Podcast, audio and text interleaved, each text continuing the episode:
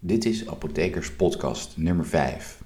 Mijn naam is Harm Geers en ik ben apotheker.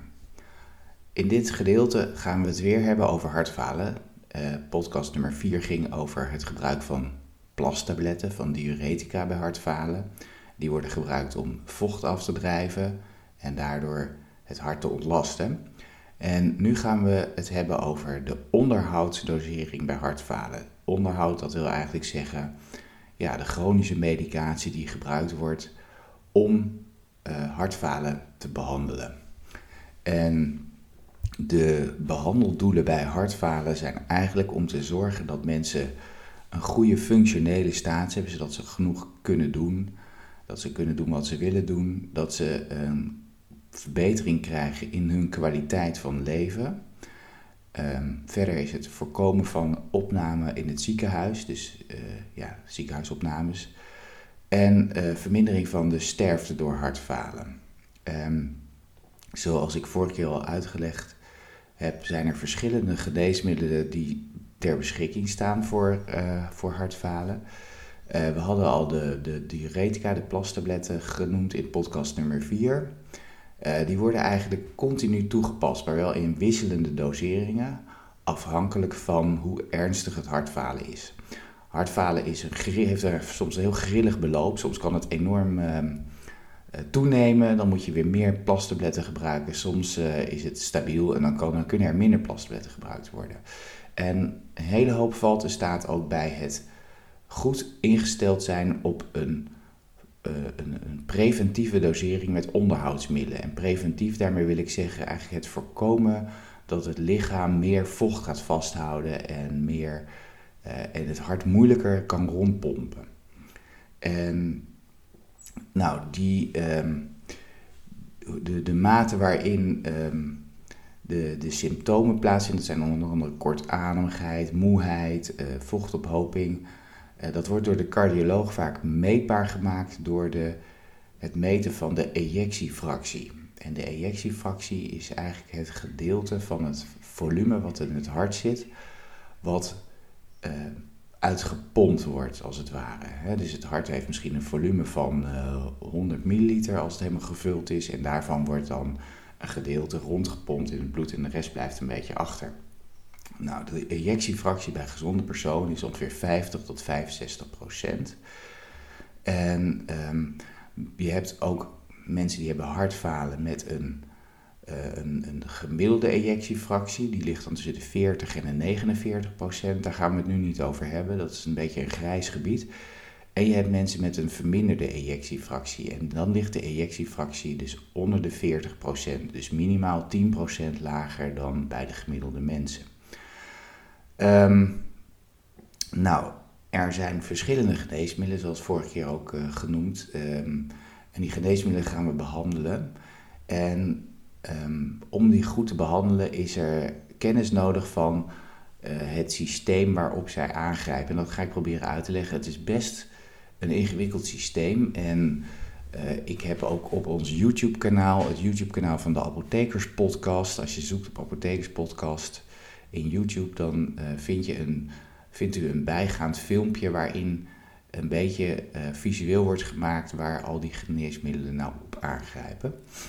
Um, de therapie die ik hier ga bespreken, dat zijn therapie met uh, ACE-remmers en angiotensine receptorblokkers, beta-blokkers, mineraal-corticoïd receptorblokkers en ik ga heel kort even in op de angiotensine receptor neprilycine remmers. Verder worden nog ivabadrine en digoxine gebruikt, maar die laat ik hier in deze podcast buiten beschouwing, omdat die middelen wat, een wat aparte plaats hebben en wat zeldzamer zijn in uh, het behandelen bij hartfalen. Um, nou, in ieder geval, een van de dingen waar, we mee, waar daar altijd mee begonnen wordt, dat is de ACE-remmer. Die is eigenlijk een beetje de hoeksteen um, van, de, van de, de behandeling. Um, en um, nou ja, om een beetje duidelijk te maken wat nou die geneesmiddelen allemaal doen, denk ik dat ik toch nog even goed is als ik even kort nog herhaal wat er nou gebeurt bij hartfalen, welke systemen actief worden.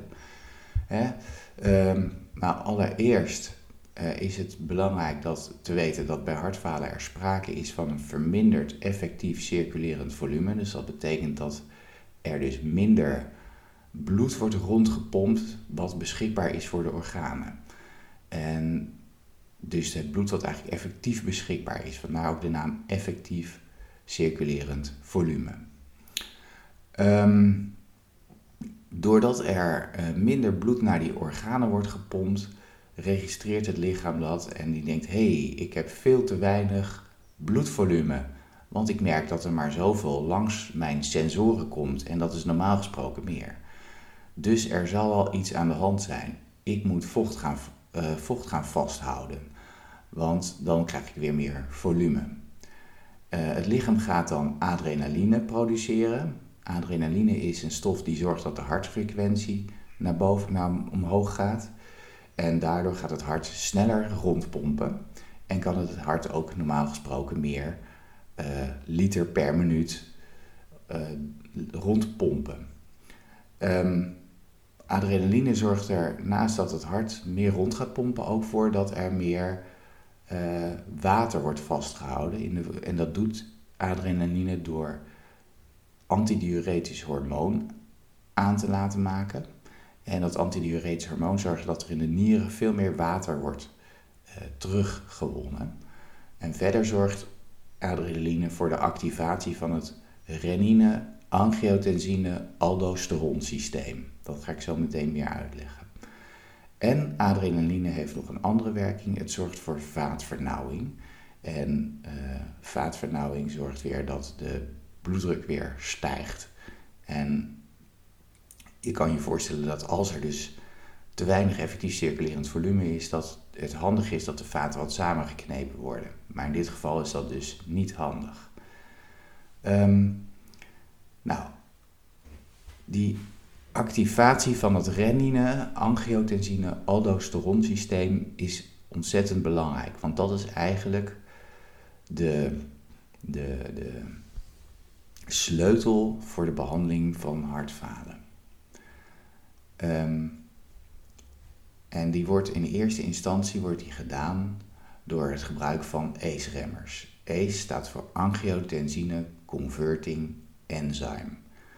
Dat is eigenlijk een, uh, een enzym wat een stap in dat renine-angiotensine-aldosteron systeem verbetert. ACE-remmers zijn stoffen die uh, eigenlijk allemaal eindigen op de naam pril. Uh, je hebt enalapril, fosinapril, kinapril, ramipril, daar zijn er heel veel. Um, en dat angiotensine converting enzyme, wat zij remmen, dat is, een, dat is een enzym in het lichaam dat ervoor zorgt dat de stof angiotensine 2 wordt aangemaakt. En angiotensine 2 is een stof die heeft als eigenschappen dat ze dat, um, dat, er, uh, dat het vaatvernauwend werkt, dus het verhoogt de bloeddruk. Dat is dus ongunstig, want dan moet het hart harder meer arbeid verrichten om die bloeddruk te overwinnen.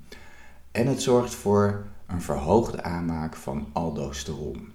En aldosteron is een stof die ook door het lichaam wordt aangemaakt, door de bijnieren om precies te zijn. En aldosteron zorgt ervoor dat er vocht en zout met name wordt vastgehouden in het lichaam. Dus het zal eigenlijk zorgen dat er nog meer water en zout wordt vastgehouden. Dus als je dat angiotensine converting enzyme dus remt door een ACE-remmer te geven, dan krijg je dus eigenlijk dat al die effecten van angiotensine 2 worden verminderd. Dus minder, acti minder activatie van aldosteron, dus minder opname van water en zout en minder vaatvernauwing. En uh, ACE-remmers zijn eigenlijk de hoeksteen van de behandeling van um, hartfalen.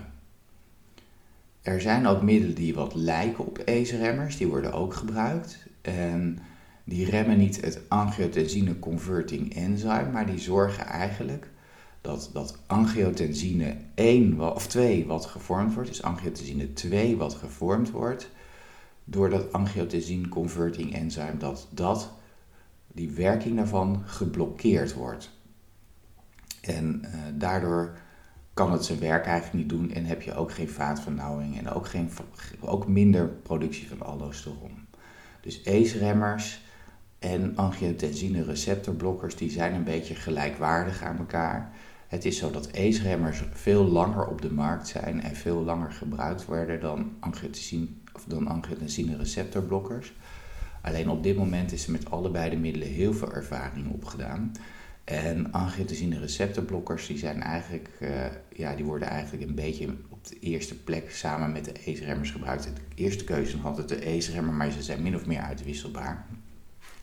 En waarom worden ze nou gebruikt, uh, die angiotensine receptorblokkers? Nou, dat heeft vaak als reden dat ACE-remmers of ACE-remmers, die kunnen soms een hele vervelende prikkelhoest veroorzaken. Dus dat is een hele droge hoest, een kriebelige hoest die eigenlijk uh, ontstaat zonder dat je verkouden bent. En uh, die kunnen dus aan het begin van de behandeling optreden, maar ook als je de ACE-remmer al heel lang gebruikt, kunnen er toch nog hoestklachten ontstaan. En we zien dat vaak in de apotheek, dat als mensen heel vaak het een recept krijgen voor codeïne of heel vaak noscapine ophalen, dat zijn hoestprikkelremmers, dan zien we dat vaak uh, in de apotheek terug en dan kunnen we ze erop wijzen dat ze een ACE-remmer gebruiken en met de vraag of ze daaraan gedacht hebben. Nou, wat zijn dan die bijwerkingen van die uh, ACE-remmers en die angiotensine receptorblokkers? Nou, ACE-remmers hebben als bijwerking vooral die hoest, hè, wat ik zei. Nou, vooral die hoest, dat komt niet heel veel voor, maar die kan als, als bijwerking optreden. En bij angiotensine receptorblokkers uh, en ACE-remmers gaan natuurlijk de vaatvernauwing tegen. Um, en ze zorgen ook dat uh, de water- en zoutopname minder wordt, dus daardoor daalt de bloeddruk. Het zijn ook allebei middelen die gebruikt worden als bloeddrukverlagers. en dat heeft tot gevolg dat mensen soms wat, ja, wat duizelig kunnen worden. Uh, zeker in het begin van de behandeling kan die bloeddruk fors zijn. Dat is die bloeddrukdaling fors zijn. Dat is overigens niet iets om u zorgen over te maken, want dat is eigenlijk na, na drie dagen is dat wel voorbij u moet wel zorgen dat u voorzichtig bent met het opstaan bijvoorbeeld. Want vaak zie je dat mensen, dan met name als ze opstaan, dat dan, hè, dan gaat er minder bloed door hun hoofd en dan zakt, zakt de bloeddruk en dan, ja, dan worden mensen duizelig of soms ziet het een beetje zwart voor de ogen. Nou, verder wat er gedaan moet worden bij het gebruik van ACE-remmers en angiotensine receptorblokkers is dat de nierfunctie goed gecontroleerd moet worden. Ze kunnen de nierfunctie ietsje verminderen. Dat is overigens een positieve eigenschap, want daardoor beschermen ze de nieren ook een beetje. En ze zorgen, ze zorgen dat er meer kalium wordt vastgehouden. Dus ook het controleren van kalium is ontzettend belangrijk bij ACE-remmers. ACE-remmers worden altijd gestart in een hele lage dosering. Um, vanwege ook die bloeddrukdaling in het begin. En die worden eigenlijk elke twee tot vier weken wordt de dosering verhoogd tot de maximaal verdraagbare dosering. En dat geldt ook voor angiotensine receptorblokkers. Na iedere dosisverhoging is het verstandig om de nierfunctie en ook het kalium weer te laten controleren. En uiteindelijk wil je naar een zo hoog mogelijke dosering, want daarmee wordt dat renine, angiotensine, aldosteron systeem het meest geremd en voorkom je dus eigenlijk het meeste vochtophoping en zoutophoping in het lichaam. Naast een ACE-remmer, waar altijd mee begonnen wordt, wordt er eigenlijk geadviseerd om altijd een beta-blokker te gebruiken. Zoals gezegd zorgen beta-blokkers voor um, het remmen van het adrenaline, hè, wat, wat, um, wat, wat verhoogd vrijkomt bij een verminderd effectief circulerend volume. Um, bij, het gebruik van beta-blokkers komt er nog wel adrenaline, vrij. Alleen adrenaline kan zijn werk niet zo goed doen, omdat de, werking geblokkeerd wordt door die beta-blokker. Een beta-blokker zorgt dus eigenlijk voor dat, de, um, dat het hart iets minder hard, minder snel gaat kloppen. Want dat zorgt, adrenaline zorgt voor een verhoogde hartfrequentie. Um, en eigenlijk dat die ADH minder wordt, die antidiuretisch hormoon minder wordt aangemaakt. En dat het renine-angiotensine-aldosteronsysteem uh, niet direct wordt aangewakkerd. Dus eigenlijk zijn beta-blokkers hele goede geneesmiddelen. Uh, vroeger dacht men dat je beta-blokkers niet mocht geven bij hartfalen, omdat ze uh, de hartfrequentie wat doen dalen en het ook de reservecapaciteit van het hart wat verlagen. En dat bleek achteraf blijkt dat helemaal niet zo te zijn. Want op het moment dat iemand stabiel is, dus dat het hartfalen stabiel is, kan je een beta-blokker starten. Je begint in een hele lage dosering en dat pas je langzamerhand aan naar een wat hogere dosering. Het risico dus als mensen al een slechte hartfunctie hebben, zoals ze hartfalen hebben, en je gaat een beta-blokker starten, is dat uh, het hart dus tijdelijk minder goed kan rondpompen door die beta-blokker. En uh, dat je dan een, een acuut probleem ontstaat. Alleen dat komt in de praktijk heel weinig voor, omdat we die beta-blokker pas geven als de situatie stabiel is. Uh, beta-blokkers die het meest gebruikt worden bij hartfalen zijn bisoprolol, metoprolol en carvedilol. Ook hier is het heel lage dosis beginnen en langzaam elke 2 tot 4 weken ophogen. En vaak wordt de beta-blokker pas gegeven op het moment dat de ACE-remmer stabiel is ingesteld. Dus eigenlijk zorgen die beta-blokker en die ACE-remmer ervoor dat het uh, op twee stappen geremd wordt, um, dat renine-angiotensine-aldosteron systeem. He, dus de beta-blokker zorgt dat uh, via adrenaline, wat die blokkeert, dat het systeem minder wordt aangewakkerd. En de ACE-remmer zorgt een paar stapjes later, op het moment dat angiotensine 1 wordt omgezet in angiotensine 2, dat er daar remming plaatsvindt. Nou, dan kan het soms zijn dat ondanks het, het uh, gebruik van een beta-blokker en een ACE-remmer of een angiotensine receptorblokker, dat er nog steeds onvoldoende effect is. Dan kan het zijn dat de ejectiefractie nog steeds onder de 35% ligt, of dat mensen nog steeds klachten hebben en niet stabiel zijn ingesteld. Nou, wat er dan nog gebeurt is dat er een mineraal corticoïd antagonist wordt gegeven. Dat is een heel lang woord, maar het is eigenlijk is dat niks meer dan een stof die de werking van aldosteron blokkeert. Ik vertelde net dat, dat angiotensine 2, wat door de aanmaak van ACE-remmers wordt geremd, uh, of wat, waarvan de werking wordt tegengegaan door angiotensine receptorblokkers, dat dat zorgt voor stimulatie van de aanmaak van aldosteron. Nou, die mineraalcorticoïd receptorblokkers die zorgen eigenlijk dat het aldosteron zijn werking niet kan doen. En er zijn eigenlijk twee middelen die daarvoor gebruikt worden. Dat zijn spironolacton en eplerenon. Um, nou, Doordat deze middelen uh, de werking van aldosteron blokkeren, zorgen ze dus voor extra uh, winst in de, het remmen van de symptomen van hartfalen. Um, ook deze uh, mineraalreceptor, mineraalcorticoïd receptorremmers, dat zijn geneesmiddelen die ook al heel erg lang op de markt zijn. Met name spironolacton is al heel erg lang op de markt. Uh, ze worden gebruikt in combinatie dus met plastabletten, ACE-remmers of angiotensine receptorblokkers en beta-blokkers. De combinatie is heel goed onderzocht. Uh, en er is gebleken dat, het voor, dat die combinatie voor mensen met, hart, met hartfalen gezondheidswinst oplevert. Er moeten alleen wel een aantal zaken gecontroleerd worden, want mineraalcorticoïd receptorblokkers uh, zoals spironolacton en eplerenon kunnen zorgen dat het kalium enorm stijgt. Dat, doen ACE-remmers ook al, dus je moet extra controle hebben op het kalium. Uh, verder wordt de nierfunctie ook in de gaten gehouden. En heel incidenteel komt het wel eens voor dat mensen die spironolacton gebruiken, en met name gaat het dan om mannen, dat die pijnlijke borsten krijgen of borstvorming krijgen. Uh, dat is een reden om over te stappen naar een andere mineraalreceptor-antagonist, namelijk uh,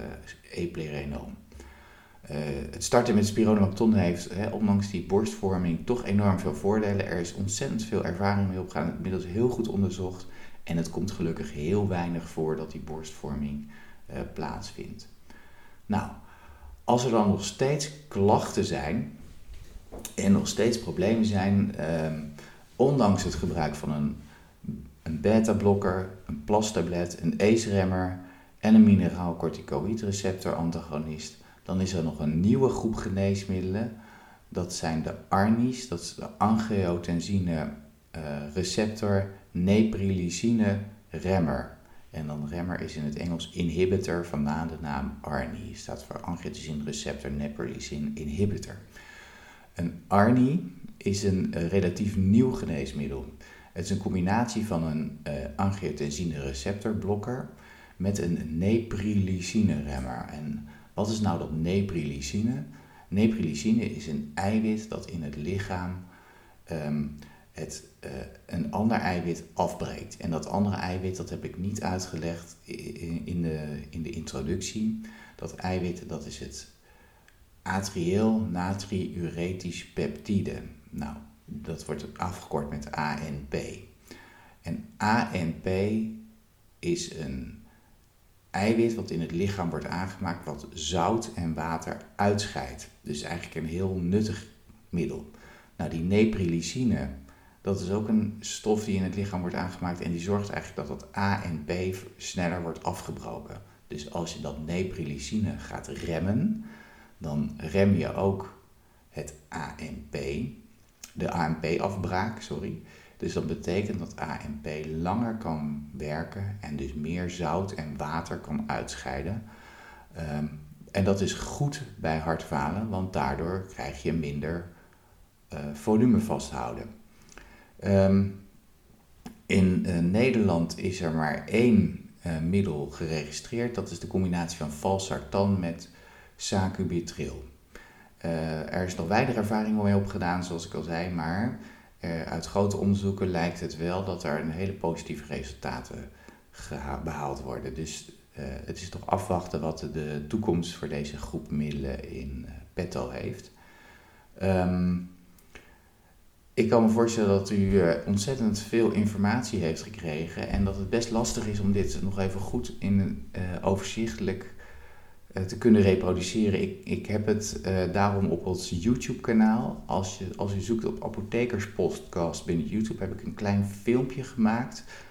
Uh, dat, een kort filmpje waarin nog even kort wordt laten zien wat, er, wat de werkingsmechanismen van al die geneesmiddelen zijn. Zodat u snapt wat ze allemaal doen en daardoor ook vooral meer duidelijkheid heeft waarom u dit geneesmiddel gebruikt en waarom het geneesmiddel wordt voorgeschreven voor u. Um, nou, wat kunt u tenslotte zelf doen? Dat is natuurlijk ook belangrijk. Um, in ieder geval is het belangrijk om te zorgen dat u elke dag uw medicatie inneemt. Uh, als u het geneesmiddel een keertje vergeet, dan heeft u weer kans dat het raadsysteem actief wordt en dat uw situatie verslechtert. De situatie bij hartfalen is een instabiele situatie. Dus hoe stabieler en hoe beter u het onderhoud doet, hoe beter uw Ehm, het volhoudt uh, zonder benauwd te worden. En waarschijnlijk ook hoe minder uh, plastabletten u ook hoeft te gebruiken. Het innemen van deze geneesmiddelen, ik kan het niet vaak genoeg zeggen, probeer een positieve sfeer te creëren rondom de inname van de geneesmiddelen, van de pillen. Zelfs al zijn het er een heleboel, zoals bij hartfalen. Die geneesmiddelen gaan u echt helpen. Die zorgen dat u uh, stabieler ingesteld bent en dat uw, uh, uw situatie stabieler blijft, dat u meer inspanning krijgt. En helaas, ja, ze geven soms ook wel wat bijwerkingen. Maar dat is ook een heel goed teken dat die middelen hun werk doen en, hun, uh, en zorgen dat ze, uh, dat ze voor u hun best doen in het lichaam. Verder is het belangrijk om bij, bij hartfalen heel zuinig te zijn met zout. Hoe meer zout u eet, hoe meer vocht er wordt vastgehouden, hoe slechter het hartfalen. Dat is denk ik heel logisch. Um, sommige mensen die mogen ook minder drinken bij hartfalen, dus die hebben een vochtbeperking. Dat scheelt uh, ook natuurlijk in de hoeveelheid water die wordt teruggewonnen in de nier, waardoor er uiteindelijk ook minder, uh, minder, um, ja, minder uh, vocht hoeft te worden afgedreven. Verder is het belangrijk als u ziek bent, dus bij koorts, diarree of braken, en helemaal als u een wat mindere nierfunctie heeft, om dan contact op te nemen met uw huisarts of apotheek. Uh, en als uw omgevingstemperatuur, als het heel warm is, is drie dagen boven de 27 graden, dan is het ook belangrijk om even contact op te nemen met uh, wat er moet gebeuren. Want soms hebben mensen vochtbeperking, uh, maar bij heel warm weer mogen ze toch wat extra drinken. Dat is belangrijk om dat met de cardioloog te bespreken. En, uh, en het kan soms ook zijn dat als mensen echt ziek zijn en, en, en heel erg braken en diarree hebben, of een van de twee hebben, dat ze zoveel vocht verliezen dat hun nierfunctie achteruit gaat. Dus het is belangrijk om dan te overleggen met uw apotheker of huisarts wat te doen. Ik kan me nog steeds voorstellen dat het erg veel is wat ik u heb uitgelegd en dat het ook ingewikkeld is. Zoals ik uh, al zei eerder in de podcast, op YouTube staat een filmpje waarin ik dit allemaal nog een keertje toelicht en waardoor u het misschien wat beter snapt. Hartelijk dank voor het luisteren naar de Apothekers Podcast. Ik hoop dat u het interessant vond. Volgende week is er weer een podcast. En als u suggesties of vragen heeft, dan kunt u mij bereiken via Twitter. Ik ben bereikbaar onder harmgeers. Mocht u suggesties voor onderwerpen hebben, laat het mij vooral weten. En ook al uw vragen probeer ik te beantwoorden. Hartelijk dank voor het luisteren en zorg dat u deze podcast deelt met uw vrienden en kennissen. Dank u wel.